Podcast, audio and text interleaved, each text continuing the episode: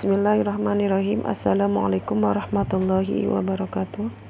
Hamdan wa syukranillah wassalatu wassalamu ala rasulillah amma ba'du.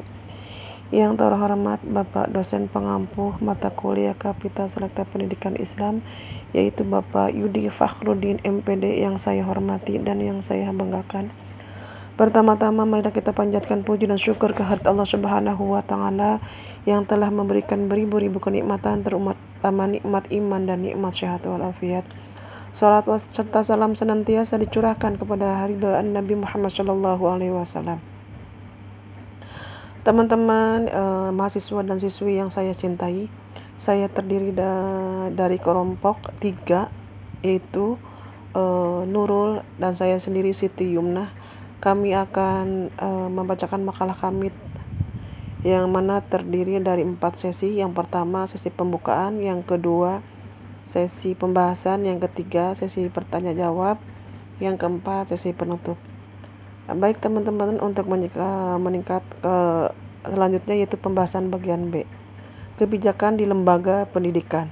Keberadaan sekolah atau madrasah sebagai lembaga formal menyelenggarakan pendidikan memainkan peran strategis dalam keberhasilan sistem pendidikan nasional. Kepala sekolah sebagai manajer dan pemimpin adalah bertanggung jawab dalam menerjemahkan dan melaksanakan kebijakan pendidikan nasional yang ditetapkan pemerintah.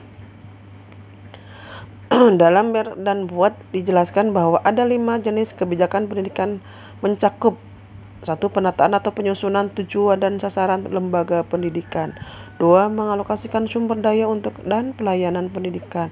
Tiga, menentukan tujuan pemberian pelayanan pendidikan, menentukan pelayanan pendidikan yang hendak diberikan. Empat, menentukan tingkat investasi dalam mutu pendidikan untuk memajukan pertumbuhan ekonomi. Setidaknya dari hasil penelitian terhadap sekolah di Brits ada beberapa fokus kebijakan sekolah itu melibatkan staf dalam pengambilan keputusan. Kemudian kurikulum, imbalan, dan hukum, keterlibatan orang tua, peluang bagi pelajar, dan iklim sekolah. Bagian C, format dan implementasi kebijakan sekolah disertalisasikan pendidikan memberikan peluang bagi kebijakan sekolah di daerah. Pembuatan kebijakan sekolah adalah inherent dengan kebijakan adalah suatu elemen penting dalam hubungan sekolah dengan masyarakat yang dilayaninya. Kebijakan perlu dituliskan secara baik dan secara berkelanjutan diperbaharui. Ada beberapa kelebihan-kelebihan yaitu kebijakan satu menyatakan bahwa sekolah bekerja dalam keadaan efisien dan terurus. Kedua, kebijakan mempercepat stabilitas sasaran dan administrasi. Kebijakan menjamin dalam keputusan dan prosedur pelaksanaan.